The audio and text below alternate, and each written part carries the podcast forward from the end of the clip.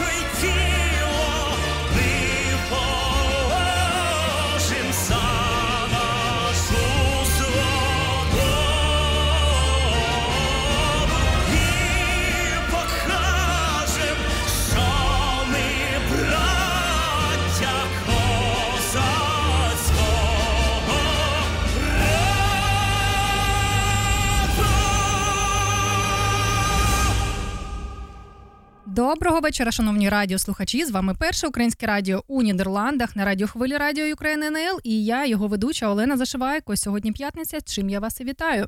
Друзі, сьогодні 7 квітня, і це 407-й день війни Росії проти України. І що етеру ми цитуємо слова нашого Володимира Зеленського: ми ніколи не забудемо кожного і кожну, хто бореться за нашу Україну, хто віддав за неї своє життя. І наша пам'ять це не все, що в нас є наша незалежність, яку ми збережемо і передамо нашим дітям і онукам, наша перемога, яка обов'язково буде, стануть найкращим ушануванням пам'яті всіх, хто загинув у цій війні. Давайте згадаємо всіх, хто поклав своє життя за свободу, незалежність та суверенітет України. Давайте вшануємо кожного українця, хто боронить нашу країну у цій війні наступною піснею.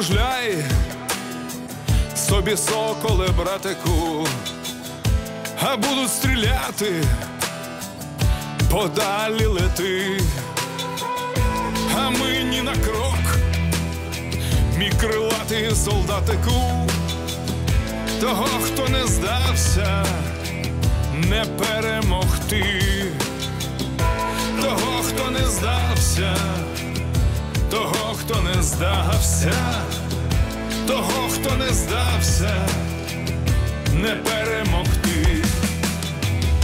Буває від ран, так нестерпно і боляче, і хочеться вмерти, Всевишній прости, та тільки героїв вшановують стоячи того, хто не здався, не перемогти, того, хто не здався, того, хто не здався, того, хто не здався, не перемогти.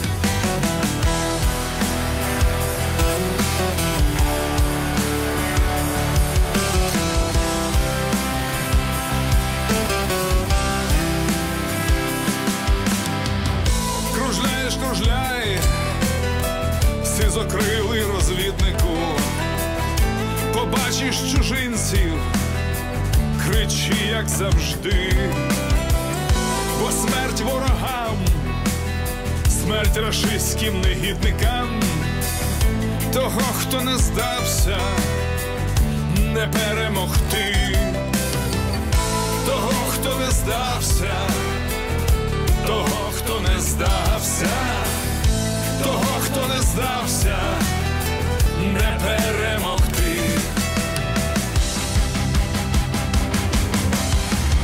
Північні чужинці підступні жадібні, прийшли в нашу землю, аби полягти, земля їм бетоном, а нам вона лагідна, того, хто не здався, не перемогти, того, хто не здався, того, хто не здався того, хто не здався, не перемогти, того, хто не здався, того, хто не здався, того, хто не здався, не перемогти.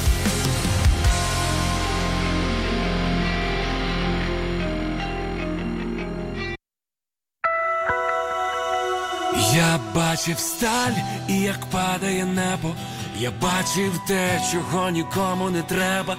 Я бачив болю на десять життів. Мамо, молись за своїх синів. Віра гріє серце і палке бажання жити. Ми ступаємо в світанок новий.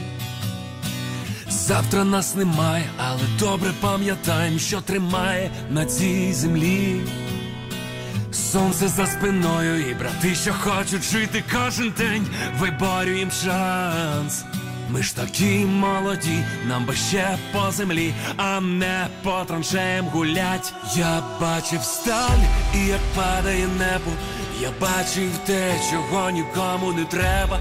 Я бачив болю на десять життів. Мама молись за своїх синів. Я бачив страх у очах навпроти. Я добре вивчив свого ворога профіль. Я бачив болю на десять життів. Мама, молись за душі своїх синів. Молись, молись. Ми йдемо на схід і тут ніхто вже не питає, коли нас побачить сім'я. Стоїмо на смерті, захищаємо кожен метр, наша земля свята. Серце стало сталю, нас ніхто вже не впізнає, ми забули минуле життя. Вічна слава тим, хто захищає дім, і кого вже з нами нема. Я бачив сталь, і як падає небо. Бачив те, чого нікому не треба. Я бачив болю на десять життів. Мама молись за своїх синів. Я бачив страх у очах навпроти. Я добре вивчив свого ворога профіль. Я бачив болю на десять життів.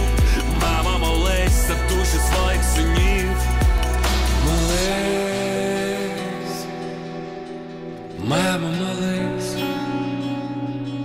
Я бачив болю на десять життів. Мама, молись! Я бачив сталь і як падає небо. Я бачив те, чого нікому не треба. Я бачив болю на десять життів. Мама, молись за своїх синів. Я бачив страх у очах навпроти. Я добре вивчив свого ворога профіль. Я бачив болю на десять життів. Мама, молись за душі своїх синів.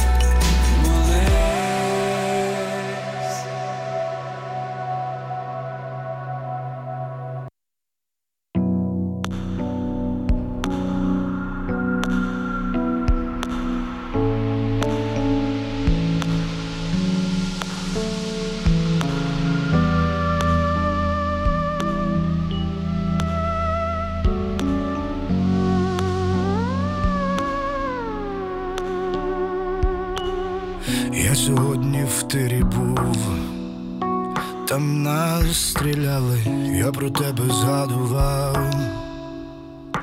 Моя ляле, так захотілось молока, з теплим хлібом трохи ще болить рука, але терпимо ніби, я сьогодні в полі був. Там нас блукали, захотілося мені щоб на мене так, з криком татку, дай мені, мені мою шоколадку. Найби вже прийшла весна,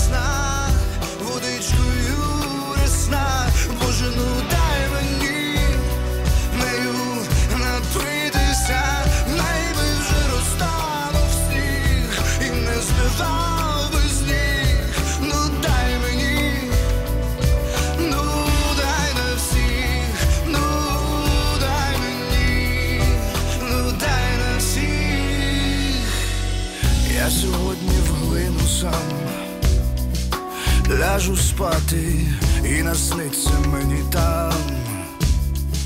Моя мати, я її так обійму сильно і ніжно, я колись любив зиму, а тепер занадто сніжно, а тепер занадто все.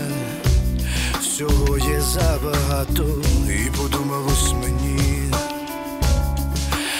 Як там тату, я би татка привернув, скурив би з ним цигарку, тато би мені наляв гіркої чарку. Найби вже прийшла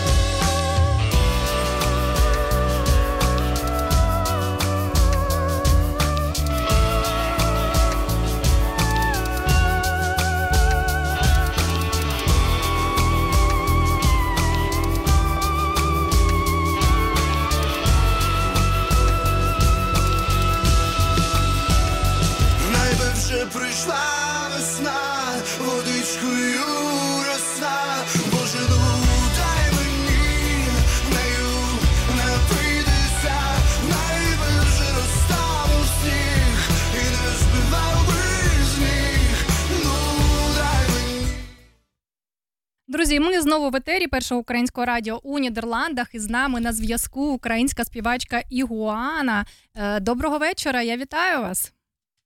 Доброго вечора, Олена. Всіх вітаю слухачів і глядачів першого українського радіо в Нідерландах. Дякую за запрошення. Е, Розкажіть, будь ласка, як взагалі сьогодні пройшов ваш день, як ваш настрій, і що, що ви очікуєте сьогодні? Сьогодні очікую гарне інтерв'ю, так щоб всім було дійсно цікаво і круто. А як пройшов мій день? Е, Ну, класно пройшов мій день, робочий такий собі день, насичений, як завжди.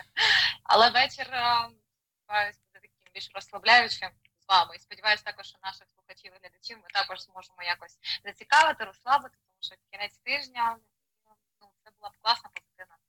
Так, дійсно. Е, Розкажіть, будь ласка, назва пісні Напиши. Про що вона і що надихнуло вас створити саме цю пісню? А, пісня напиши. А, це знаєте, ностальгія, ностальгія за нашими рідними, близькими, які вимушено покинули територію України задля безпеки своїх рідних, близьких. А, ось і коли я починала створювати цю пісню, я її починала створювати ще до війни, якщо чесно. Е, на той час для мене дуже актуальна була тема друзів в нашому житті. Ось потім 24 лютого я не встигаю дописати цю пісню. Починається війна. Зараз сказала знову мурахи аж по шкірі. Починається війна, я пишу іншу пісню. Не я, я була співавтором. Випускаю пісню Настане весна, але е, де читаємо Настане перемога.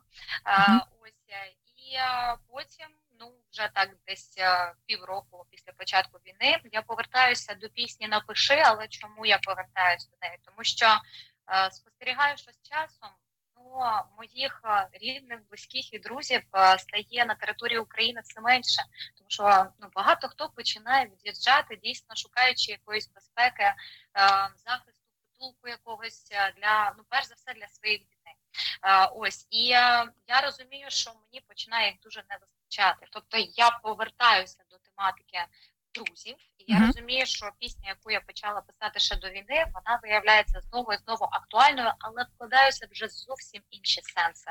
Так, от як всі кажуть, поділили життя на до і після. Так, от було і з цією піснею напиши. У неї є своє до, у неї є своє під час, е, і я думаю, що буде своє піс е, своє після. Але ви знаєте, от е, цікавий момент також, тому що починалося пісня з одним задумом, потім, коли почалась війна з іншим задумом. А на студію звукозапису я їхала взагалі записувала з іншими сенсами, навіть не тими, які вкладала які були на початку самого створення, так? Так, так, тому що ну пісня дійсно дуже така різнопланова вийшла в плані смислів, які в неї було вкладено. Тому що коли я приїхала до студії звукозапису, а, мій дядько на той е, момент його ну він пішов е, на фронт, і в той час він перебував е, під Бахмутом. І коли а він дійсно займав такі фронтові позиції на передових, і він дуже довго не виходив на зв'язок. Ми просто тут всі кінчалися з рідними, близькими, дуже переживали. А він дійсно від нього ну невісточки просто нічого. Тобто він е, до цього постійно виходив на зв'язок, а це ну невісточки. А у саме мене оця фраза напиши, так що ти живий, хоч крапку напиши, так Олена, ну в точку. Да, оце саме те. Я пам'ятаю, як я стою, співаю, записую цю пісню. Я напиши, подзвони. У мене просто сльози з очей, і я розумію, що це дійсно те, чого я зараз прагну. Тому от кожного разу, коли я чую рядки напиши, подзвони, коли лунає ця пісня, я просто пригадую, що саме в момент запису вкладено в цю пісню. Там навіть не про друзів вже було. Ми всі хотіли, щоб наш рідний вояка, мій дядя Андрюша, до речі, користуючись нагодою, я б хотіла, можливо, він мене зараз чує, бо він мене дуже любить і завжди за мною спостерігає. Нехай йому і всім бійцям, які можливо також зараз доєдналися і слухають. Хай вони почують, що повертайтеся до нас живими, здоровими, неушкодженими, і обов'язково пишіть, пишіть своїм рідним близьким якомога частіше, бо вони чекають. Це для них просто як ковток повітря. Це чиста правда. Так, і наші е, слухачі і глядачі пишуть Слава Україні! Героям слава! Дякуємо за ваш фідбек. І пропоную, давайте послухаємо все ж таки пісню.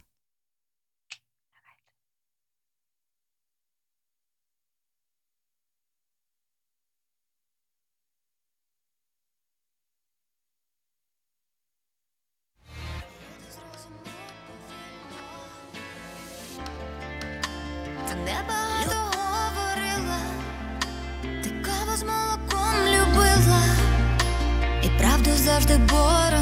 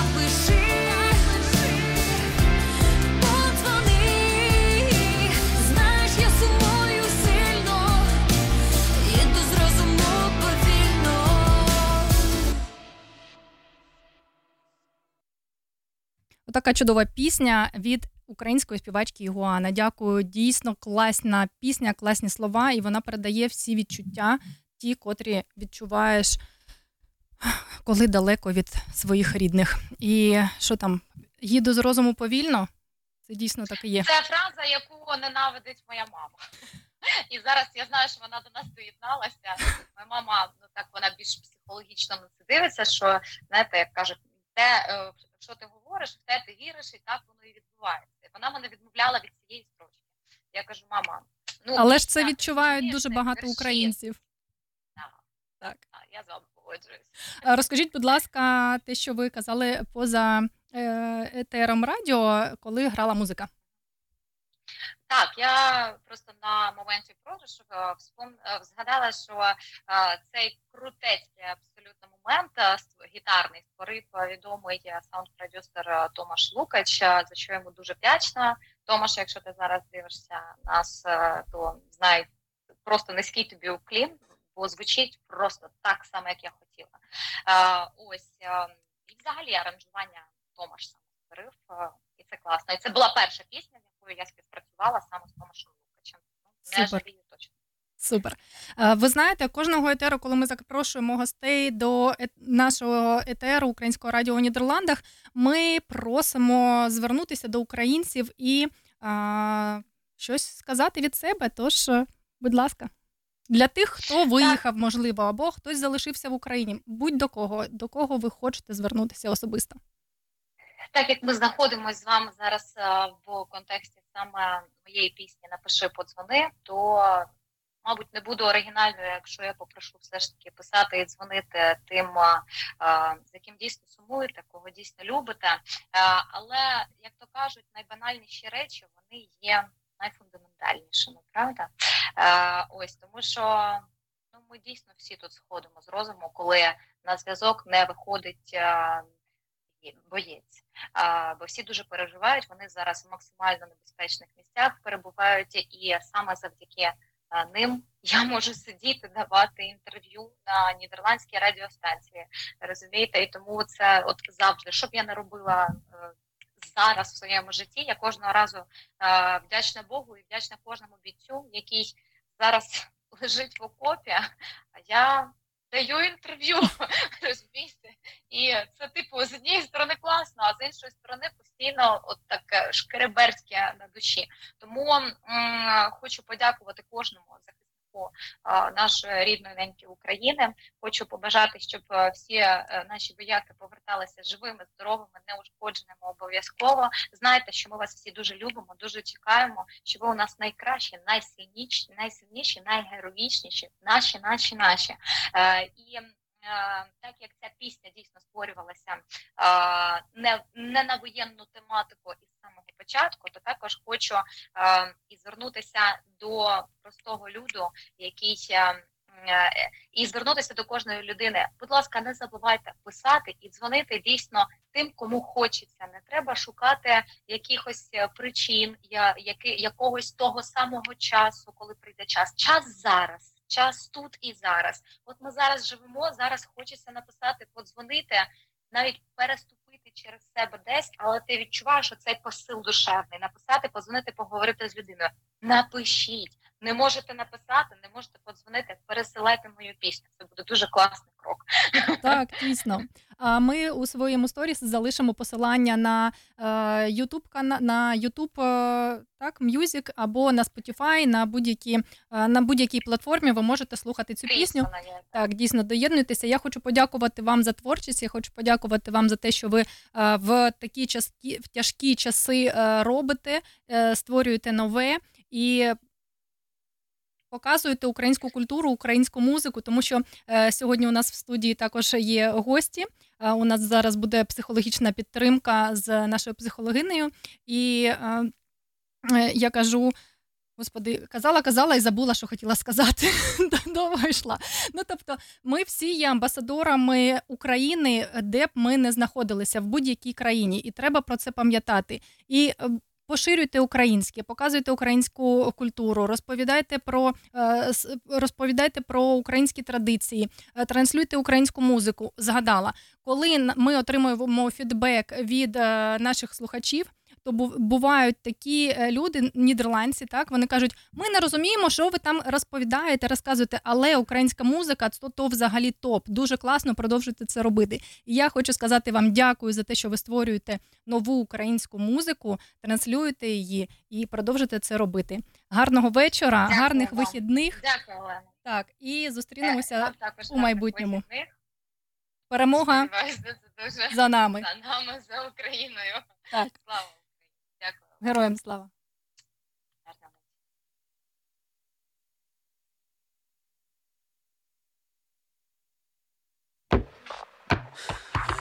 Йоху, не питай мене чому, попри білі в тому, знайду шлях додому.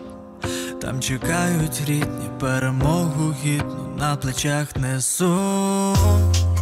Не питай мене чому, попри білі в тому, знайду шлях додому, там чекають рідні, перемогу гідно, скоро принесу. Скоро, як давно не бачив я кохану, кохану, як давно чекав на цей недільний ранок, залікуєш поглядом всі рани. А я, як завжди, на вікно твої тюльпани. Швидко промайнув цей рік, пора додому. Більше не буде, я обіцяю грому. Іди до мене, обійму замість обойму. Всього три слова, мила, я вдома. Юху, не питай мене чому, попри білі в тому, знайду шлях додому. Там чекають рідні, перемогу гідну на плечах несу. Не питай мене чому, попри білі в тому, знайду шлях додому. Там чекають рідні, перемогу гідну скоро принесу. Як давно чекав, щоб обійняти рідну Маму, тату, всі живі, здорові діти. І за мить вже сядемо за стіл великий. Тут всі герої, не залежачи від віку. І завтра буду, і цінувати буду. Наше життя швидке, колись думали ми що довго Є в житті сюжет, що ніколи не забути Та ціль одна була, щоб зберегти наше майбутнє. І біля берегів, і серед полону Своє у серці не віддам ні на пару хвилин. Я громадянин, Україну бережу. Тільки не питай чому. Не питай мене чому, попри білі в тому Знайду шлях додому там чекають рідні, перемогу гідну на плечах несу. Не питай мене чому, попри білі в тому, знайду шлях додому. Там чекають рідні, перемогу гідну скоро принесу. Не питай мене чому, попри білі в тому. Знайду шлях додому.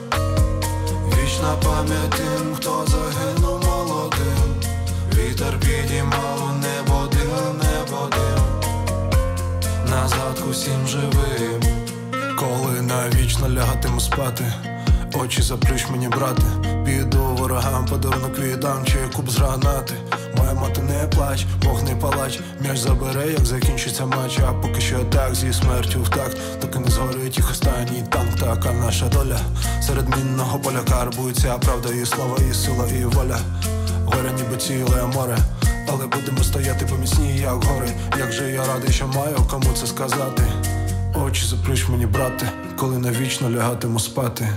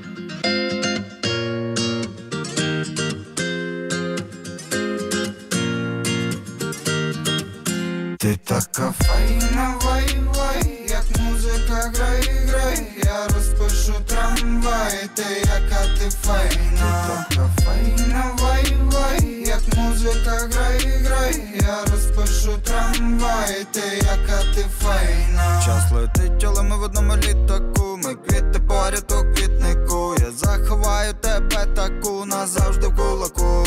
Час летить, але ми в одному таксі, ми на останньому поверсі. Я заховаю тебе від всіх назавжди у руці. Бо я те щось від тебе давно люблю, як біле вино. Дивлюсь тебе, як кіно складаю, як доміно. І сонце, що за вікном тримаю, як мікрофон. Та щось від тебе давно співаю, як доміно. Ти така файна, вай, вай, як музика грай, грай, я розпишу трамвай, ти яка ти файна, ти така файна, вай, вай, як музика грай, грай, я розпишу трамвай, ти яка ти файна. Я не знаю вдома чи сама, каменне вікно розбив тобі. Я невдалий калузький романтик, маню я тебе до себе в. Я не знаю, чи будеш вина, я картоні тарі тобі приніс, що тебе так мила дивувало. Не сижу вже на землі me Я піду скрізь туди, куди ти. Раді тебе кинув все, що курив. Я не буду принцем, в принципі, про принцип мій розкажуть пацики в дворі. Ей, я прийду з Крістін, сотні Крістін, з ким одіяло я ділив кричать стій. Знаєш, сотні пацанів тебе хвалять, але моя ляля, я не віддав. Така файна, вай, вай, як музика грай, грай, я розпишу трамвай, ти яка ти файна, Ти така файна, вай, вай, як музика грай, грай, я розпишу трамвай, ти яка ти файна.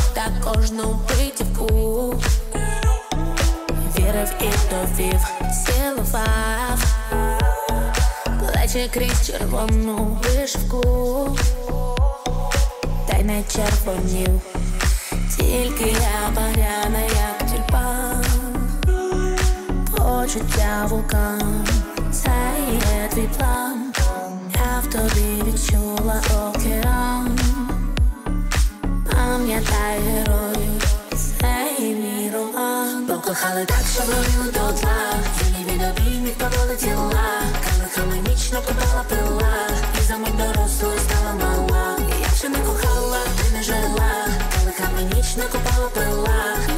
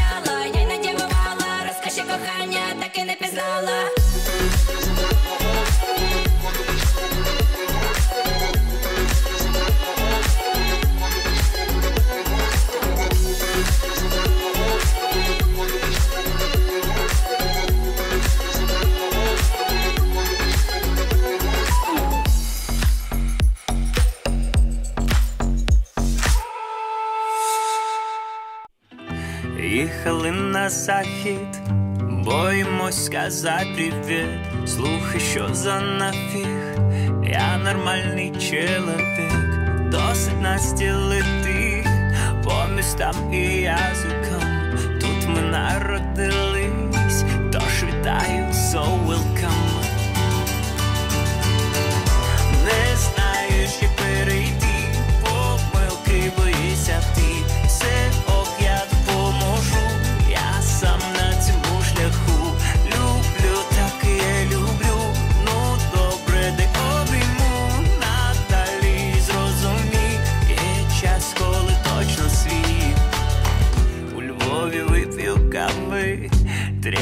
Харькове возьму в буквель троянди, Із Донецька привезу, світ запам'ятає лютий місяць феврале, з півночі в Одесі, я чекатиму в кафе, не знаю, що.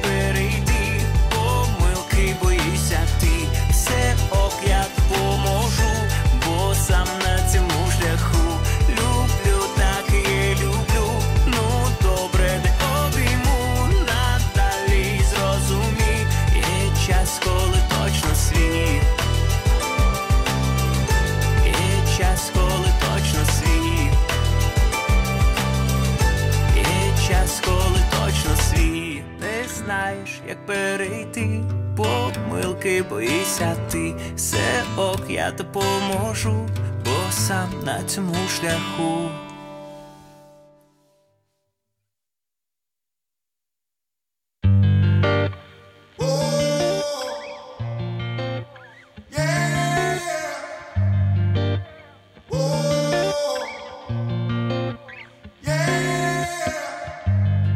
Що то було так давно, коли в руках тримаю цей альбом. Нам було абсолютно все одно, не маючи нічого мати все. За гроші не купити тільки час. Він всіх нас методично поділив. Когось він опустив, когось підняв, а я на кого взагалі забив. Старі фотографії на стіл розклади, дитячі історії смішні розкажи.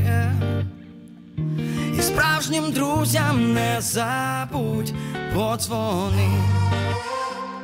Бо добре чи зле з тобою завжди вони. Дешеве пиво і сухе вино робили нас щасливими людьми, і ніби чудо польське радіо нам відкривало той незнаний світ. Ми жили, ніби то був сон, і можна бути вічно молодим. А залишився тільки цей альбом, і ми розлетілися, як дим. Старі фотографії на стіл розклади. Дитячі історії смішні розкажи. І справжнім друзям не забудь подзвони. Бо добре чи зле з тобою завжди вони. Годинник вперто роки рахував, і кожен так, як міг зробив. І тільки у альбомі всі підряд. Ми будемо такими, як тоді. Старі фотографії на стіл розклади. Дитячі історії смішні розкажи.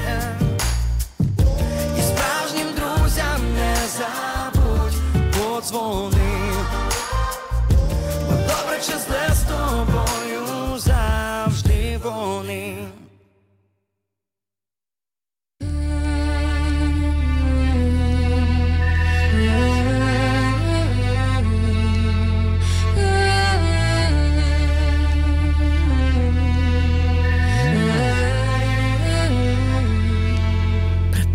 Припустимо, тебе не буде, почну шукати всюди, пустими вулицями, наче божевільно буду.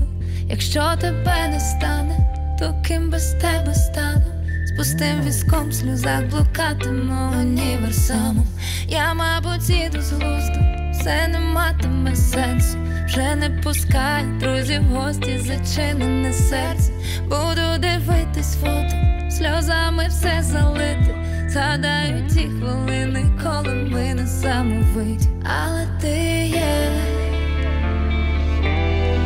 але ти є зараз тут поруч. До чого ці думки? А, Якби їх сказала вголос, ти спитав, ти хвора. Ми не завжди цінуємо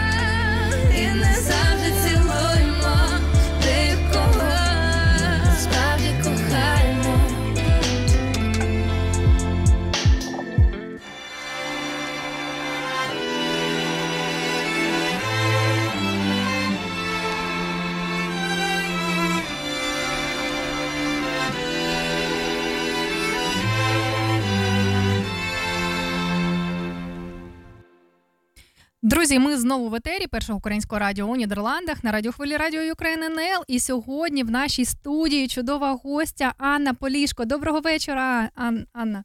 Доброго вечора, Олена. А, взагалі, як настрій? Е, Чудовий. В чудовому місці з чудовими людьми, в чудовій атмосфері. Ви навіть не уявляєте, який тут ем, у повітрі творчість. Дякую вам за комплімент. Ми сьогодні анонсували для наших радіослухачів про те, що ми поговоримо про психологію, так і як вона впливає на наше життя. Як взагалі вдалося адаптуватися в іншій країні, е, тому що це дуже цікаво, і не кожна людина може одразу зрозуміти, що треба діяти і е, якось виходити з цієї заморозки, так? Е, е, Так, я, мабуть, почну з того, що я не психолог по професії, тому я буду ділитися досвідом як е, звичайна людина, яка просто пустила психологію в своє життя, і які я, бен, е, які я бенефіти з цього отримую. Е, Ну, перш за все, звісно, мені це допомогло легше адаптуватися. Я можу сказати, що адаптація моя, вона, звісно, я ще в процесі, але завдяки тим, що я і зверталась до психолога, і кожного разу м, виводила себе ще до війни, до початку війни, то теж з якоїсь зони комфорту пропрацьовувала, тобто не заморожувалась, а весь час працювала. І завдяки психології мені було просто легше.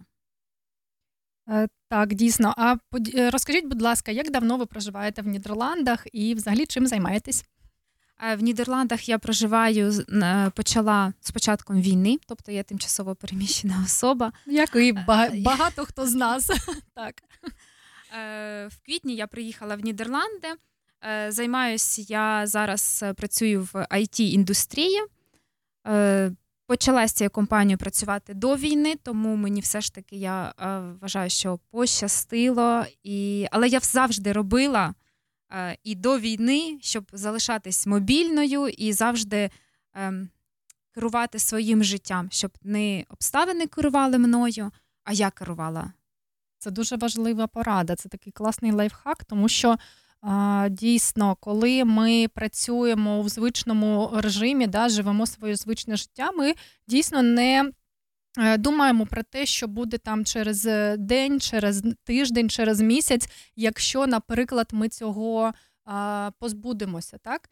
І що робити сьогодні, щоб твоє життя було комфортнішим? І от дійсно, е, якщо ви кажете, що ви створюєте такі умови, які не впливають, на які ви впливаєте, а не впливають а, обставини на вас, це дійсно дуже гарна порада для всіх е, радіослухачів та й взагалі для всіх людей.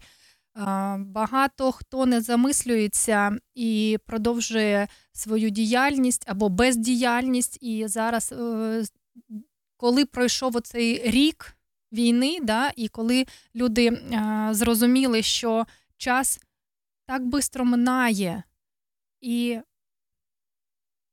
розуміння того, що ти е, знаходишся у якомусь стані заморозки, воно нарешті прийшло. До кого прийшло, до кого не прийшло. Я дуже рада, що до тих людей воно прийшло, це розуміння, і вони починають якось діяти, вчити мову, наприклад, так, адаптуватися, знайомитися, виходити на вулицю. І я навіть коли спілкувалася раніше, от у нас був етер з Катериною Скоріднєвою, ми сьогодні її підключимо трішечки пізніше.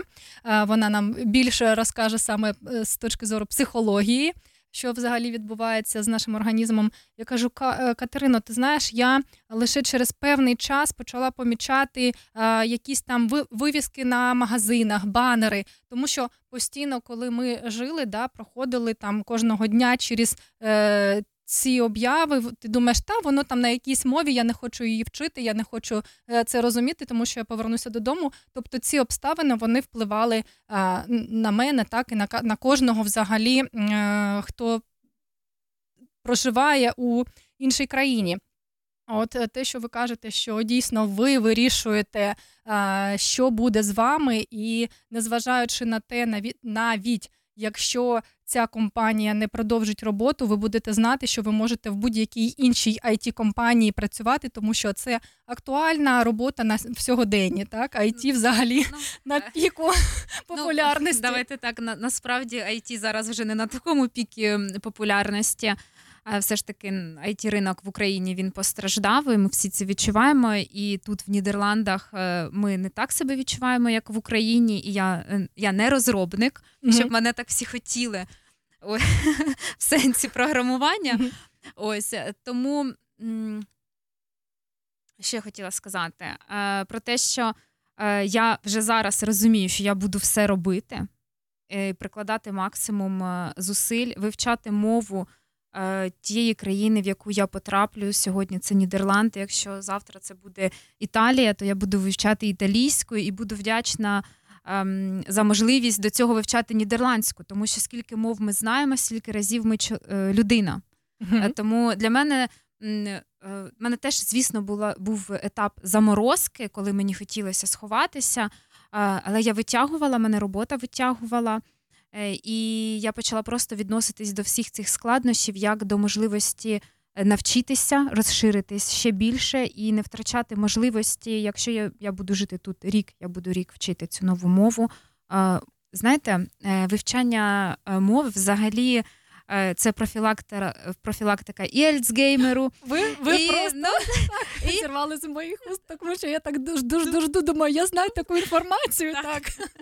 Так, тому, ну, ну, типу, є така можливість, е, треба це використовувати, і хто зна, коли мені це знадобиться. Тому так, закриватися інколи хочеться. Е, Зрозуміло, що ми всі травмовані, але треба виходити вже з, з позиції жертви в дорослу, тому що ми дорослі. А, І- дуже гарна, дуже гарна порада. І підкажіть, будь ласка, як діяти, коли просто я сьогодні мала е, одну бесіду з людиною, і як, якщо ти розумієш, що людина в позиції жертви або дитини, як без травмуючого досвіду можна пояснити людині е, і, або сприйняти їх, їхній біль, або е, надати поради, тому що коли я намагалася дати просто пораду, таку, знаєте, ну, не про що, а про те, що можна і по-іншому, е, то мені здалося, що людина образилася і не зрозуміла дійсно мого посилу, що я саме мала на увазі. Ну, як правильно пояснити свою позицію, не а, травмуючи ту людину, котра знаходиться у стані жертви, чи це неможливо, ні? Ні, не, не неможливо. Можливо, це не, не, не дуже питання до мене. Я, тому, да, я можу просто поділитися, що мені відразу тут спадає на думку, ем, взагалі, яка ціль е, вам давати цю пораду. Ага. Е, Да, тобто тут треба подумати, чому потрібно дати цю пораду.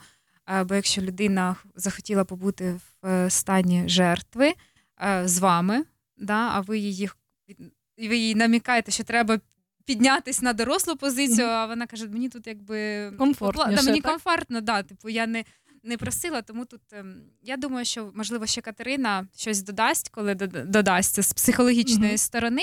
Але я взагалі зрозуміла, ну, взагалі я до цього і я планую, що буду більше в коучингу розвиватися. Е, ну, потрібно нас нам самим себе теж потрібно інколи зупинити, щоб не лікувати людей. А, але відповідальність ми маємо їм давати. Дякую за пораду. Я буду е, прислуховуватися до неї. Е, я пропоную перейти до музичної паузи і повернемося до нашої бесіди вже після української музики. Добре?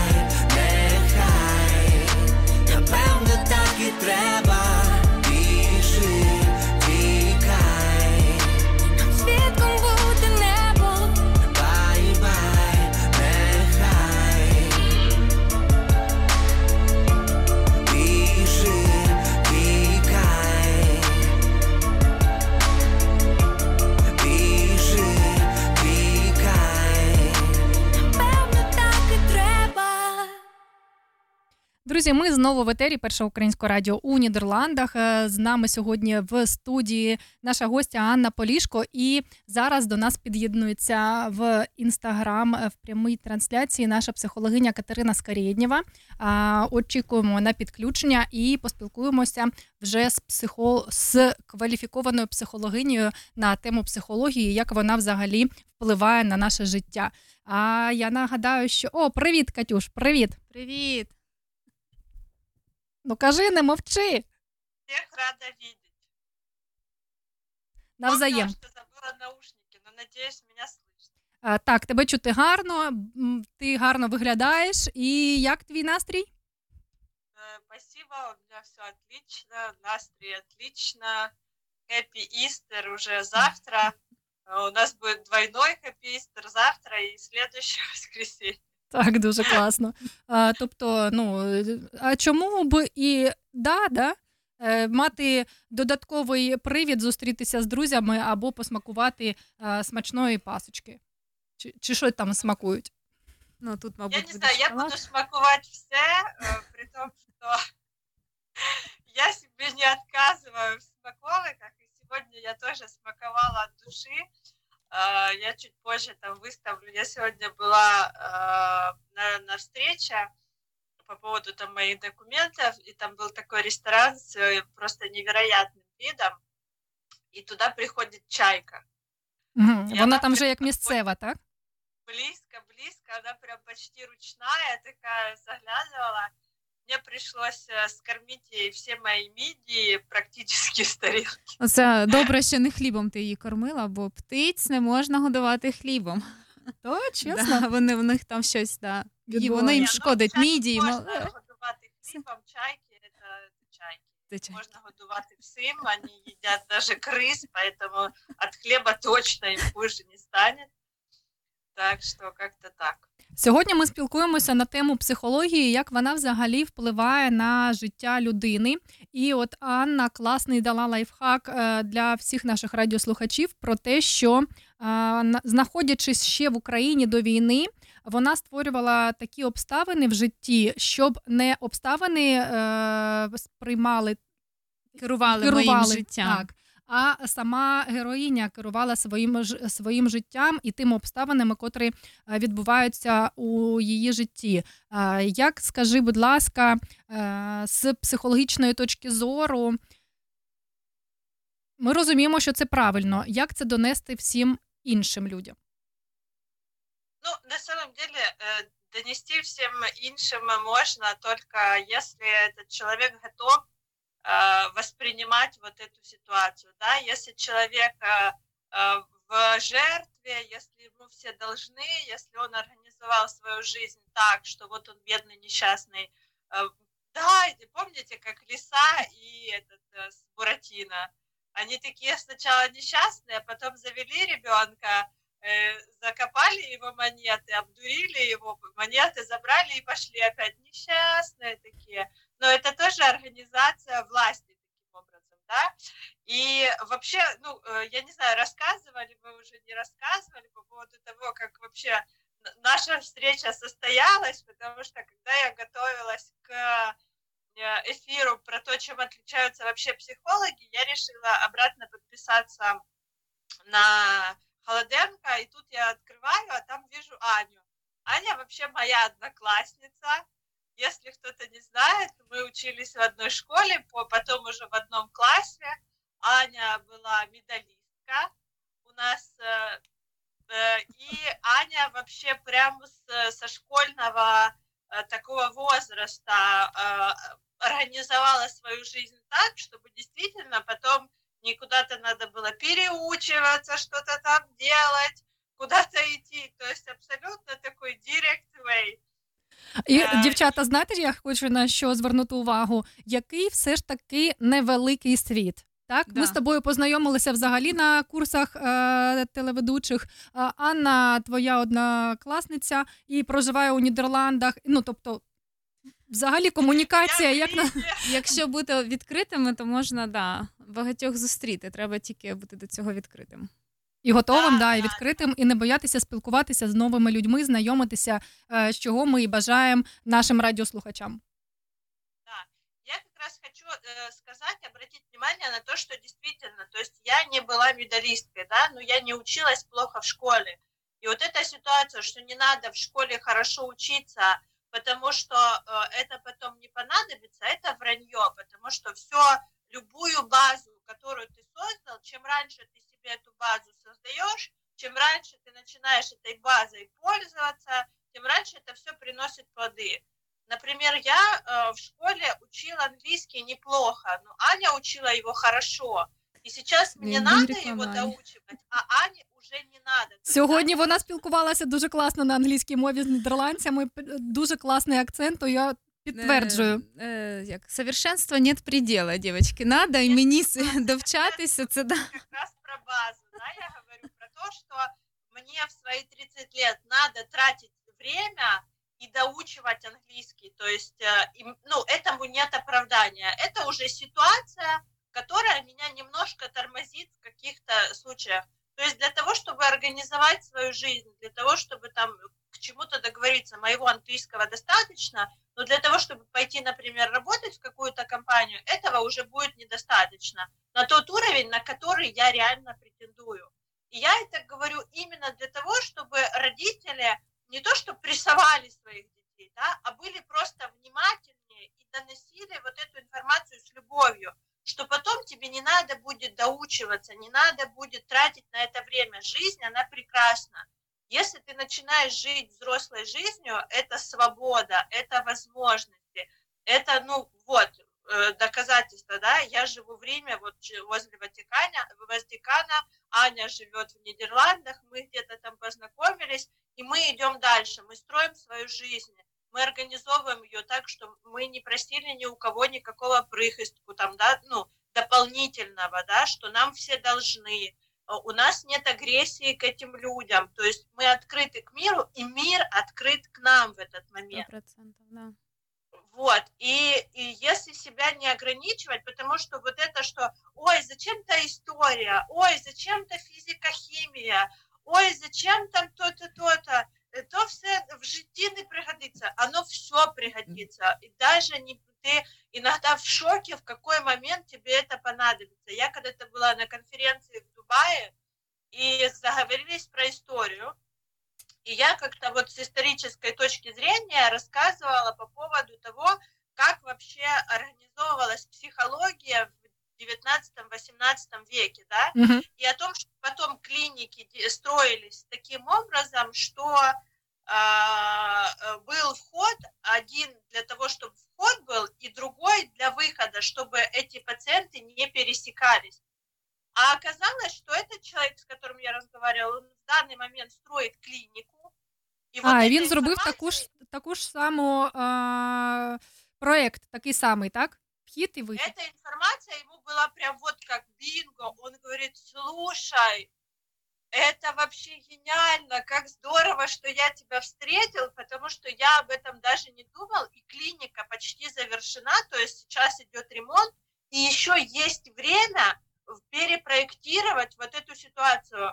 Он э, и такой говорит, типа, «А вот что ты скажешь, там начинает со мной советоваться, я говорю, ну, в принципе, если это Дубай и там на люксере претендуешь, то лучше это будет на последнем этаже рядом с вертолетной площадкой, чтобы если люди приходят, то есть, ну, какая разница, в лифте они не пересекутся, и тоже можно как-то сделать через два кабинета вход-выход, да, то есть с одной стороны заходит, с другого кабинета выходит. Кто там откуда выходит, никто не знает. Ну и плюс вертолетная площадка тоже достаточно комфортно. Он такой, да, действительно, там, ну, и я, в принципе, он меня отблагодарил достаточно неплохой суммой денег, просто потому что я знала Тому що ти историю. знала історію, так? Да, и я просто в разговоре поделилась, э, к счастью, моего английского было достаточно, вот, и опять же, этого английского, который я учила в школе, потом я доучивала как-то фильмы, смотрела, какие-то дополнительные уроки и тому подобное. Но если реально начинать уже сейчас строить э, свою жизнь, да, то это, ну, сильно себя задержать, и сильно ты э, ограни- чу- чувствуешь вот эти ограничения, да, когда мы выходим на улицу, и нас не понимают кто-то, мы не можем там э, просто какие-то документы себе организовать.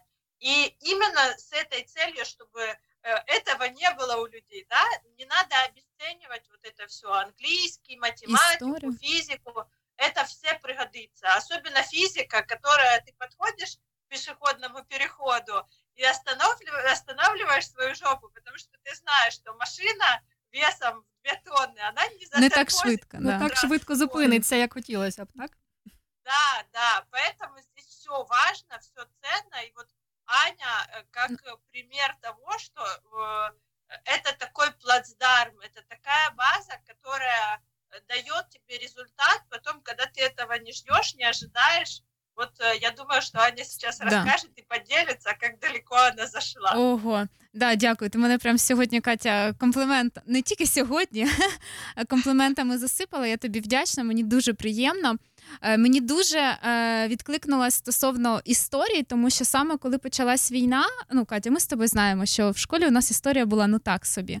Тобто ми її не дуже вивчали. Але по- коли почалась війна, я прям почала читати книги, як країни стан... Я там більш-менш найбільше я знала про Францію, е, менше про Україну, але Чому? почала... Тому що Париж подобався? Ні, тому що вивчала французьку мову, і коли вивчаєш мову, ти вивчаєш історію. І я почала, ну я навіть я, я зізнаюсь, така медалістка, така, як ти мене розрекламувала, але не без із'янів, я навіть замислилась, як створилась Америка. Я така думаю, боже, мені 30 років, і я, типу, щось знаю, але чогось не знаю. Я коли почала читати. Да, і я така кажу, я така думаю, як я могла цього не знати? Ну тобто, як культури перемішані, і в мене взагалі, коли почалась війна, і я спілкувалася з фаундером компанії, в якій я працюю, він так ну він хотів підтримати про там про українців, про біженців говорив. І він мені каже: Ти знаєш, я відчуваю, що е, нам не потрібно ділитись на національності. Ми люди. Ми люди у цьому всесвіту, просто живемо в різ, на різних територіях. Але зараз кордони змиті. Нам потрібно розуміти, що ми всі е, як організм чогось одного. Тобто, ну я розумію, що фаундер у нього глобальне відчуття до всесвіту, і думаю, але ж е, е, так і є. Так і є. І, тобто він хотів так мені сказати, що ти в Нідерландах не чужинка. Е, відчувай себе тут нормально, проявляйся, ти достойна тут бути. Е, ну, заявляй про себе. Я йому дуже вдячна, тому що він так мене таким чином підтримує. І оце відчуття, я кажу до історії. Е, ми всі тут переплутані насправді.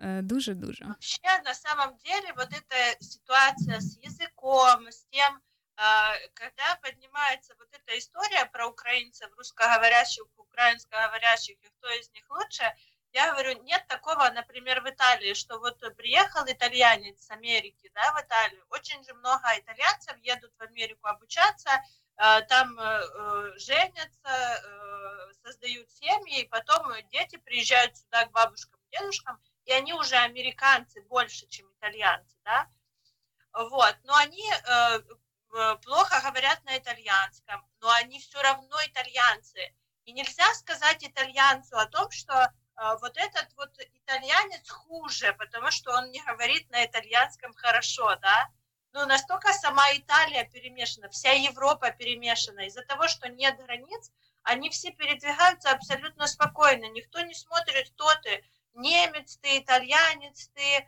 э, какой-то а, а, австриец, кто ты вообще. Смотрят на то, какой ты человек, как ты себя проявляешь. Вот когда приехали украинцы, сначала, конечно же, нам пытались помочь, очень много было жалости, но все равно потом приходит момент, когда смотрят на тебя не просто как на українця, а на то, какой ти чоловік. Що ти робиш на твої дії, так, дійсно, на твоє відношення взагалі до е, оточення і де ти проживаєш. Так, так. Ну и тут нет уже такого, что вот ты украинец говоришь на русском, на русском, ты уже плохой, да, Потому что ты все равно говоришь либо на английском, либо на том, э, куда ты приехал, на том языке. И здесь уже смотрят на то, как ты проявляешь свои человеческие качества. Если украинец приехал, он ко всем предъявляет претензии, ему все, все должны, ему всего недостаточно, все плохо, все недостаточно хорошо, его начинают шпунять, потому что с таким человеком неприятно общаться, это вот тот самый токсичный человек, да, который, в принципе, во всем мире будет токсичным, он не только в Украине, и он токсичный не потому, что он украинец, а потому что он полон вот этих претензий, негатива, злости и всего остального. И это относится абсолютно к каждой национальности. Тут не надо привязываться ни к языку, ни к национальности. Но важно знать свои корни, свою историю для того, чтобы было на что опереться, да. Но для того, чтобы идти дальше, не надо к этому привязываться. Это всего лишь ситуация, это всего лишь территория, это всего лишь, ну, часть твоей жизни, не вся жизнь, да, и, в принципе, ты сам решаешь, в какую ситуацию ты попадаешь, в какую ситуацию ты не попадаешь, ты тоже решаешь. И вот на примере Ани мы, в принципе, очень хорошо можем увидеть, да, в какую ситуацию ты попадаешь, какая у тебя была база, да, что у тебя уже была база, независимо от того, в Украине, не в Украине. Да, звісно. Ты знаешь французский, ты знаешь английский, у тебя есть работа, у тебя есть профессия, у тебя есть хобби, у тебя есть разные уже способы да, проживания разных ситуаций. Это опыт, да, у тебя есть этот опыт и, и знания. И опираясь на это все, ты идешь вперед достаточно легко. І незважаючи в якій країні ти будеш знаходитися, ти дійсно будеш е, все одно е, мати змогу заробити собі гроші і спілкуватися, як ти класно сказала, перед музичною паузою. Дякую, що я мала можливість е, вчити нідерландську рік. А якщо я поїду до Італії, я буду вчити італійську наново. Да. Тож дійсно Я дуже відкрита до цього, тому що е, ніхто не знає, що нас чекає впереді. І, типу, е, ну я взагалі насправді я просто люблю вчитися. Е, і я завжди з ну, тобто для мене це челендж, типу, о, зараз ще один бар'єр, і я ще ну не те, що бар'єр, а навправ... ну, я кайф від цього отримую. Е, інколи, коли я заморожуюсь, мені стає дуже-дуже якось так е, сумно, так скучно. Е, Я розумію, ну виклики для вони мене драйвлять. І я розумію, що для того, щоб і надалі себе відчувати більш впевненою і не залежати від е, обставин. Хоча, звісно, вони на нас психологічно е, впливають, але один заморозився на рік, інший на два тижні, а хтось навпаки зібрався і почав рухатись. Ну я хочу все ж таки продовжувати жити. Я хочу відчувати фарби життя. Е, І ну, мені е, не тільки я сама собі допомагаю, але й психологія. Вона дійсно вона ем, обостряє всі ці відчуття. І я вваж, я вважаю, що взагалі нашій, е, нашому українському суспільству насправді не витягнути, якщо ми не відкриємо свої серця до психології, до консультування, до терапії. Тому що я, я думаю, що кож, я впевнена, кожному українцю зараз це потрібно. Так, да, я и підтримую. я хочу тебе сказать, потому что сейчас я быстро, да, потому что вот и, на примере того, как мы познакомились даже с Леной, с- да, то есть как я предложила э, то, чтобы мы поработали со страхами, страх говорит на камеру, да, потому что мы были в школе для телеведущих, и, а, естественно, не все отозвались, да, то есть у нас из э, там 14 человек было сначала 6 Мені человек, здається, навіть там 30 було спочатку. Мені здається, у нас група була із 30 чоловік. На першій зустрічі я тебе одразу помітила, тому що мені сподобалося, що коли а, була така домашня завда... домашнє завдання було, ти пам'ятаєш, що там треба було підготувати самопрезентацію, а потім а, виступаєш, і тобі дають дівчата фідбек. І от е, я ви- виступила перша, тому що у мене а, на шосту у нас була початок цієї цього уроку, так, а в 6.15 у мене у малого також гітара. І я думаю, боже, що робити зараз через 5 хвилин він почне бринчати, а як я буду дівчатам 30 людей, як я буду там щось самопрезентувати. Я кажу, можна, Е, і тільки Ярослава питає, типу, а хто буде презентацію робити? Я кажу, можна я. А вона така: о, я думала, що е, ну, типу, зараз буду е, прям пальцем показувати, а ви такі активні. Кажу, ні, ні, ні, тому що в мене ну реально час піджимає. І якщо ти пригадаєш, то три, ну, реально багато було дівчат. І із цього всього дійства, котре відбувалося, е, всі казали.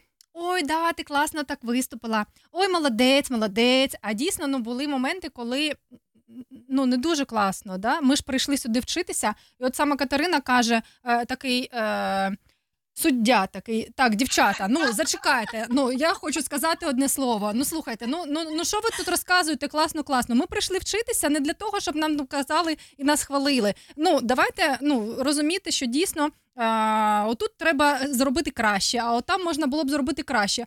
А я сижу так і думаю. М, прикольна така дівчина. А чим вона взагалі в житті займається? І вона була сама остання. Я пам'ятаю, що Ярослава ще каже: це Ярослава, це наша вчитель, каже: Слухай, Катерино, давай виступай, тому що ну ти, багато не даєш фідбеку, давай вже ти, пу- ти будеш. А вона така: ні, я буду остання. Думаю, слухай, ну взагалі прикольно. Тобто мої кордони були е, зовсім відстояні. Вона собі вирішила, що вона буде остання. Вона те, що думала, одразу говорила. Мені це дуже сподобалось. І наприкінці, коли вона каже, мене звати, е, звати Катерина, я психолог, думаю, супер, нам на радіо потрібна психологічна підтримка, тому що дуже багато українців і. Дійсно, такі роз'яснювальні роботи будуть дуже корисними.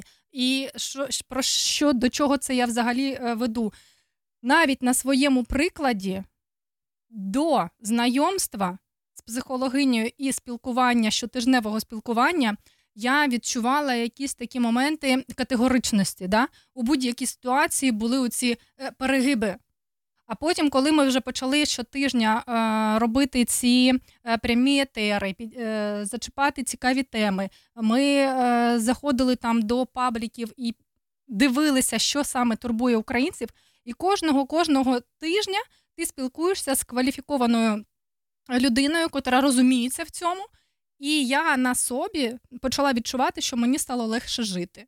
Я почала по-іншому звертати увагу взагалі на те, що відбувається нав- навкруги, на людей, на їхні а, вчинки, на те, що вони говорять. Тому отак, от на мене, на моє життя вплинула психологія. І я це відчуваю. е, Це зовсім такий осознаний крок, так і е, кажу всім, хто нас чує, не бійтеся звертатися за допомогою, тому що це дійсно допомагає. Ну, якщо не хочете продовжувати, не помічати прекрасні моменти навкруги, ну не звертайтесь. Але якщо хочете яскраво жити і відчувати насолоду, то да. Да, потому что в нашей культуре на самом деле не прививают ценность э, наслаждения жизнью, да. У нас в культуре жизнь это что-то такое боль. страшное, тяжелое.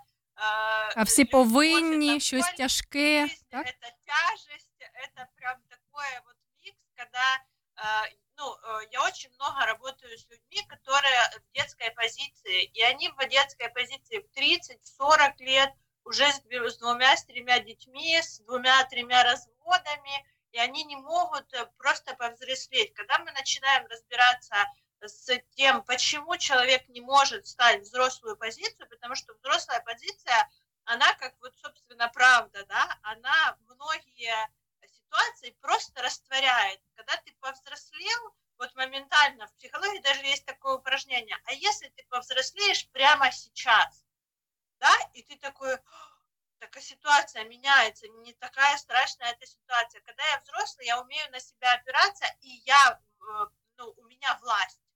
А когда я ребенок, у меня нет власти, я во власти этой ситуации, я весь такой в бессилии, в беспомощности, помогите, спасите, да. И когда мы начинаем разбираться, что же там происходит, да, оказывается, что э, в головах у нас как раз про то, что взрослость и взрослая позиция – это ужас-ужас. Это страшно-страшно. Там есть ответственность, от которой надо все время бежать. Там есть э, что-то такое, что сейчас что-то случится, а я с этим не справлюсь. Я говорю, ну давай пофантазируем, а какие могут случиться ситуации вот прямо сейчас, с которыми ты можешь не справиться. И тогда мы подзависаем на пару минуточек в такой тишине, а я не знаю. Я говорю, хорошо, а если бы ты знал такую ситуацию, с которой ты точно не справишься, какая эта ситуация может быть? И даже ситуация со смертью какого-то близкого, еще что-то, когда ты во взрослой позиции, то ты с этим справляешься. Да, тяжело, да, э, ну, какие-то переживания есть, но то, что я прям не справлюсь, что это конец моей жизни, такого нет, потому что во взрослой позиции ты устойчиво стоишь, ты опираешься на себя, ты достаточно большой и значимый уже, чтобы с этим справиться. И тот опыт, который у тебя есть, говорит о том, что ты уже справился. Если ты дожил до этого дня, ты дожил до этой ситуации, что ты сидишь с психотерапевтом как взрослый разговариваешь, да, то значит ты сильно много справился уже, и у тебя получится столько же много, даже больше. И вот эта идея, она такая вот прорастает, прорастает, прорастает, и человек такой, хм, действительно, происходит какая-то ситуация там. Вот недавно у э, одной моей клиентки в нее въехала машина на светофоре. И она говорит, ты знаешь, я вышла, сначала у меня такое было, как будто я, вот сейчас вот у меня истерика, типа, как ты мог, там это, а потом, говорит, я вспомнила, а если ты повзрослеешь прямо сейчас, и я, говорит, пока шла вот эти вот секунды, Я, говорит, повзрослела, и я смотрю и думаю, ну вот а смысл этой истерики? Ну вот я сейчас покричу, а сути не будет, а я тороплюсь, а что я могу сделать прямо сейчас как взрослая? И говорит, у меня вот щелкает вот так, говорит, мы меняемся контактами, я объясняю, что я тороплюсь, мы обмениваемся страховыми, и мы, говорит, просто разъезжаемся. Я, говорит, решила ситуацию, за две минуты я ехала, и у меня, говорит, было тебе этот, еще э, мысль отправить тебе как еще за консультацию, потому что говорит, ты со мной в этой ситуации просто разрулилась это за две минуты. И действительно, если ты э, опираешься на себя, если ты э, берешь эту ситуацию э, под свой контроль, и у тебя достаточно власти, да, чтобы быть над этим, а не внутри, тогда это все очень быстро расходится, ты не застреешь. Вот я не знаю, смотрели вы мои истории или нет, как я вчера тут снимала итальянцев, просто это, э, это кино, когда он не может выехать, сзади есть выезд, он не может выехать. З мопедом, так?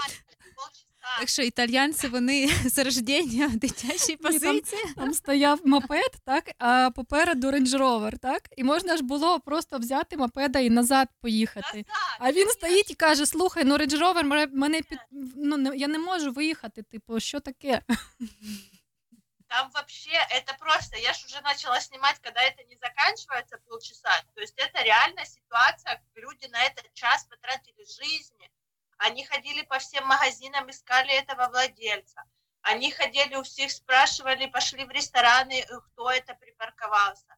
То есть вот в этом, ну, представь, это состояние, это возмущение, это гнев, это вот эти претензии к людям, да, ко Втрата всем. енергії власної. Втрата власної енергії.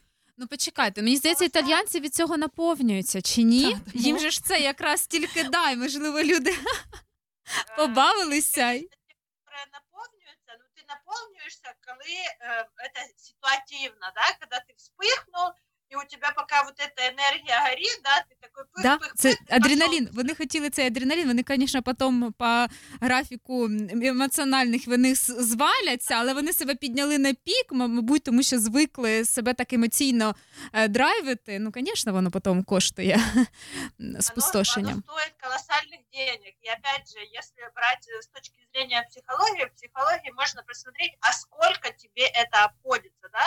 Потому что на этом видео это прям ценность-ценность, когда мы видим два примера, когда мальчик подошел, посмотрел на этих сигналящих ребят, он взял назад, сдал и поехал. Друг ему помог там, да, все, он, он, потра- он не потратил на это ни минуты жизни, он просто объехал ситуацию и поехал по своим делам. Эти же бедненькие час жизни потратили, кучу эмоций спустили, и в этом, в этом раздрае он- они выезжают на дорогу. И это как раз влияет дальше. Они уже невнимательны, у них недостаточно сил, чтобы реагировать дальше. Они вспыльчивые продолжают быть э, там, где этого не надо, да, потому что они начинают газовать, резко тормозить, и где-то не рассчитают, потому что сил уже недостаточно, и обязательно вляпаются сегодня, так завтра, потому что эта модель, она неэффективная, и она даже опасная.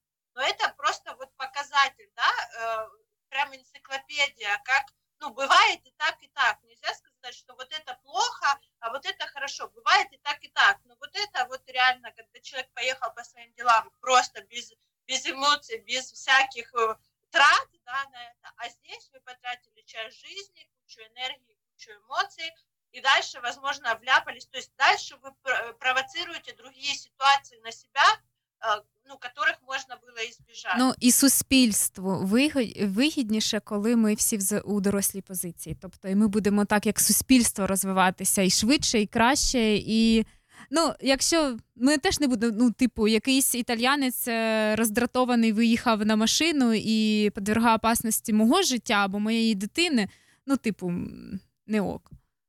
То. ну, не ок, но тем не менее, тут суть в том, что многие это нас специально к этому поддергивают, потому Да. что это повод продать нам антидепрессант, например, Мгм. или повод продать нам витаминки, например, или повод продать нам какую-то яркую игрушку, которая, возможно, типа тебе поможет, хотя суть-то не в игрушке, да, опять же, на вот этих всех, э, ну, куча маркетинга построена именно на вот этом, да, раздрае, когда ты э, таких эмоциях, и тогда очень часто нам показывают в рекламе, что это нормально, да, кого-то Ну, воспитывать. маніпуляція, так як ми з тобою говорили на попередніх ете- етерах з приводу реклами і взагалі того, що відбувається. Сейчас э, искусственно создана ситуация прокачивания с, того, с тем же языком, да, чтобы боролись типа с русскоговорящими украинцами. Это иску- искусственно созданная ситуация, которая делает тот же раздрай. Это та же ситуация. И когда ты на вот этих качелях, ты тогда не можешь к- критически Про щось оценивать інше думати. ситуацию. У Е. тебя вот это критичное мышление, оно снижается, снижается, снижается, потом хераки выключается. И все, и ты такой, потом тебе э, пускают э, новость, типа, все, аптеки будут завтра, э, Не продавати німісіл. Всі побіжали купувати німісіл. рецептам будет завтра, а вот такими малюсенькими буквами, что это будет после войны завтра, да? Мгм. Вот. э, э, И, а люди, они уже не смотрят, что это после войны. Они думают, все, завтра по, по рецептам надо пойти потратить все деньги на лекарства, потому что закончится. Потом эти, а лекарства-то слили какие? Которые заканчиваются срок годности в этом году, в следующем году, да? А потом э, в этом году закончился срок годности, мы не заболели, да, выбросили лекарства, потом опять надо купить. А это что как раз вот эти качели, это была первичная причина. Когда мы включаемся, вот это все, воспитывать, э, быть не там э, негативно настроенным против кого-то, э, там давайте снесем все памятники, э, все Це дома, знаєш, которые це знаєш зараз, як е, мемчики вже такі пішли в соціальних мережах. Типу, а, я обміняю генератор на німісіл або е, там кілограм солі, так тому що. ге- Генератори вони також були на піку популярності, тому що люди боялися, що вони позамерзають, і, і вся Європа взагалі відправляла всі генератори в Україну, щоб е, це е, було все добре і забезпечити людей світлом і опаленням. Але ж багато у кого вони навіть не знадобилися. І зараз бачимо те саме з лікарем, з ліками, з, сіллю тією ж самою, або будь-чи чим іншими якимись продуктами. Е, так, окей. е, что мы хотим сказать, да, какой наш посыл? То, что э, когда мы включаемся в новости и включаемся в вот эти эмоциональные качели, начинаем кого-то воспитывать, или включаемся, когда нас кто-то воспитывает, да, это то же самое. Мы просто можем себе выработать какую-то вот э, стратегию не включаться. Да, я тебя услышал, мне жаль, что тебя это триггерит, возможно, тебе нужна помощь, но я не могу тебе ничем помочь, извини. И все. То есть и вот это поможет мне не включаться в эту ситуацию, а быть как раз выходить на вот эту границу контакта, о которой мы когда-то говорили.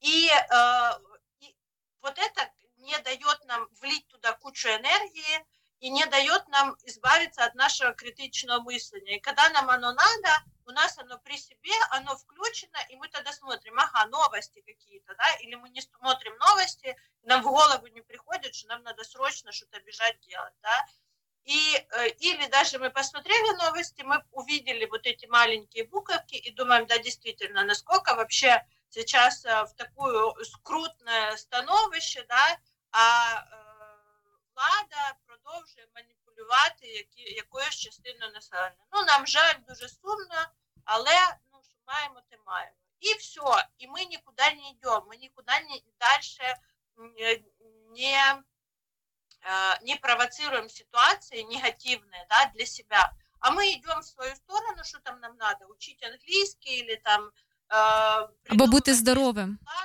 Знаєш, займ... або бути здоровим. Е, німісіл по да, насправді нас, ну, в мене це не по німісілу, але коли приїхали е, в Нідерланди, тут всі кажуть: ой, так дуже тут лікарі, дуже тяжко до них записатися, що робити, давайте їм писати. А я кажу, що робити? Бути здоровими. Займатися спортом, е, не пити, не курити. Ну, типу, якщо вас лякає, що вас не прийме лікар, що ви можете зробити сьогодні? Попіклуватися, щоб не було цих. Ну, типу, в, мене так мислення завжди працювало. Я не знаю, звідки ля це, але це стосується. Мені всіх- здається, що у, ко- у коучі воно так і працює, дійсно, тому що ви за сьогодні вже стільки класних порад надали, і дійсно так і є. Е, Тож е, турбуйтеся про своє здоров'я і не потрібно буде лікуватися парацетамолом. Ну, э, тут понимаете, когда мы сидим э, в Европе, то да, если мы сидим в Украине, то уже там другая немножко ситуация, и там просто, ну вот сам по себе, когда там начинаются бомбежки, вот эти сирены, не- э, вот я на себе это ощущала, когда я приехала, вроде я и адаптировалась, вроде я уже как бы, э, ну там, э, особо не, не пугана вот этим всем, да, чтобы сильно этого бояться. Но тело все равно реагирует, тело считывает поле, тело считывает вот это э, реакцию э, окружающих людей, да, когда они все равно напряжены, это напряжение, оно усиливается, увеличивается, с этим надо как-то справляться, но здесь очень важно понимать, что только благодаря психологии ты приходишь к себе и пониманию себя, и пониманию, как это работает, да, если я чувствую по себе, что я не окей, то я должна отказаться от новостей, да, что для меня это too much, я потеряю свой ресурс, и я не смогу восстановиться самостоятельно, да, мне нужна будет помощь, Э, а там э, обратиться за помощью нет возможности, да, тогда я выбираю просто отказаться от новостей.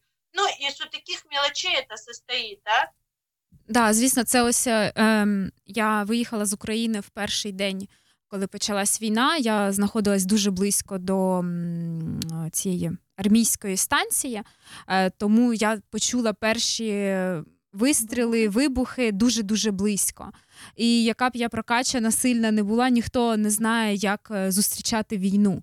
І я, а я дуже емоційна людина. І я розумію про те, що в мене є вибір, і в мене є дитина. І я настільки боюся, що я буду їхати далі, далі, далі, далі для того, щоб е, потрапити в безпечне місце і потім подумати, е, як я можу бути ефективна, корисна для своєї країни. І я розумію, що на той момент в мене був такий вибір. Якби в мене його не було, були б інші якісь обставини. Ну тобто, я б вже б діяла би по ситуації, але на той момент вони в мене були такі. Я прийняла рішення, я поїхала і. Ну, тобто, по ситуації, це те, що ти казала, що люди як адаптуються і так далі. Мені здається, що дівчата можна додати, якщо ти у позиції дорослого, то е, оце приймати рішення це перше, що може робити доросла людина. Да. Е, я, хо- я хочу сказати, що так, я хочу сказати, що давайте підсумуємо взагалі нашу сьогодні зустріч, нашу сьогодні бесіду, тому що час дуже швидко спливає, і вже скоро закінчиться наш етер українського першого українського радіо у Нідерландах. Тож давайте ми а, підсумуємо взагалі нашу сьогоднішню зустріч.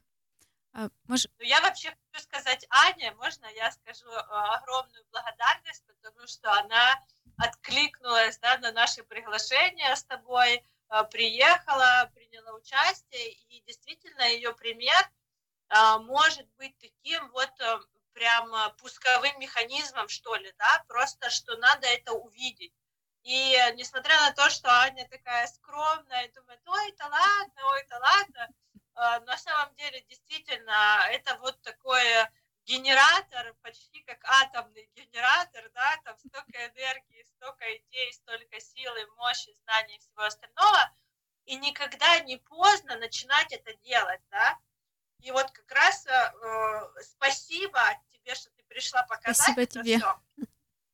Да, и я прямо сейчас чихну э, в подтверждение, что это правда, что Я- Дякую, Катя. У мене коротенько. Я хочу сказати, е, люди, розвивайтеся, вкладуйте в себе, ви у себе єдині. І де б ви не опинилися, ви всюди берете себе. Тому психологічно, якщо вам потрібна психологічна допомога, обов'язково треба її брати. Вчитися, вчитися завжди, хоч в 40, 50, 60, е, бо це вам дасть на майбутнє більш стержень всередині. Дякую. І в будь-якій обставині ви можете бути ок, так? Да. Тому що дійсно сама класна порада. Дякую за таку пораду. Ви сьогодні взагалі генератор, точно генератор класних порад. Дякую. Лайфхаків для наших слухачів, дійсно. А, тому що навчання це єдиний спосіб бути ок у будь-якій ситуації і а, знати, що, що взагалі відбувається, не- незважаючи на те, де ти знаходишся. Дівчата, я хочу сказати вам дякую. Я дякую за те, що ви е, колись були однокласницями і познайомили е, мене друг з другом, і прийшли сьогодні, зробили етер е, для наших слухачів. І обов'язково будемо підтримувати зв'язки. І я думаю, що це не останній наш етер сумісний, так? Возможно, Аня может нам э, провести какой-то эфир, именно коуч-эфир, да, чтобы посмотреть, Все можно. показать людям, а, как можно еще с точки зрения коуча, потому что коуч это больше про бизнес, про стратегию, про планирование, Про да, майбутнє. про Да. вот этих внутренних опор. Если психология это про глубинную работу, почему у тебя не получается? Почему э, ты туда не идешь? Да, это работа вот такая э, на другом немножко уровне, про другое. То коуч это как раз когда у тебя есть опора на себя и как ты ее можешь использовать, куда ты можешь идти, как это все простроить, да? Возможно, Аня будет буде ласкава. Покоучити наших да, і допомогти їм двигатись вперед. Так, я Супер, можу. дівчата. Я дякую вам. Е, Виходимо вже на музичну паузу. Е, Катерина, дякую тобі за експертність. Як завжди, до зустрічі на рубриці Кава з психологом. Обіймаю. Дякую. Бувай. Спасибо большое. Хорошего вечера. Да, па-па. Бувай.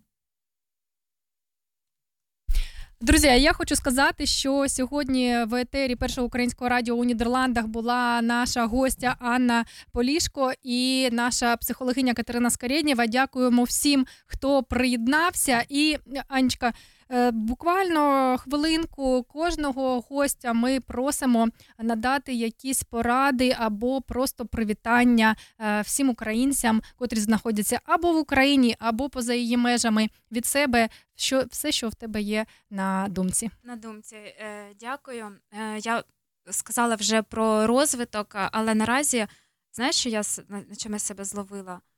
Українці, будьте вдячні. Е, Будьте вдячні за все, за маленьку якусь деталь, е, за любу можливість. Е, Вчіться бути вдячними. Тоді Всесвіт буде надавати такі можливості, будуть такі пропозиції, що ви навіть не очікувані. Але будьте готові до цього. Будьте готові прийняти щось дуже-дуже гарне в подарунок. Ну і звісно, так, розвивайтеся, вчіться і перемоги нам. Перемога обов'язково буде за Україною. І я нагадую, що ми сьогодні ще на один день ближче до перемоги. Друзі, всім гарного вечора, гарних вихідних. Хто святкує е, Великдень з нідерландцями, гарного вам святкування. І зустрінемося вже в понеділок. Е, Тож е, бувайте, всіх обіймаю, всіх люблю. Е, Любов переможе. І дякую ще раз нашим гостям. Анечка, дякую тобі за ефір. Дякую, що приїхала. Дякую тобі, Олена, що запросила. Бувай.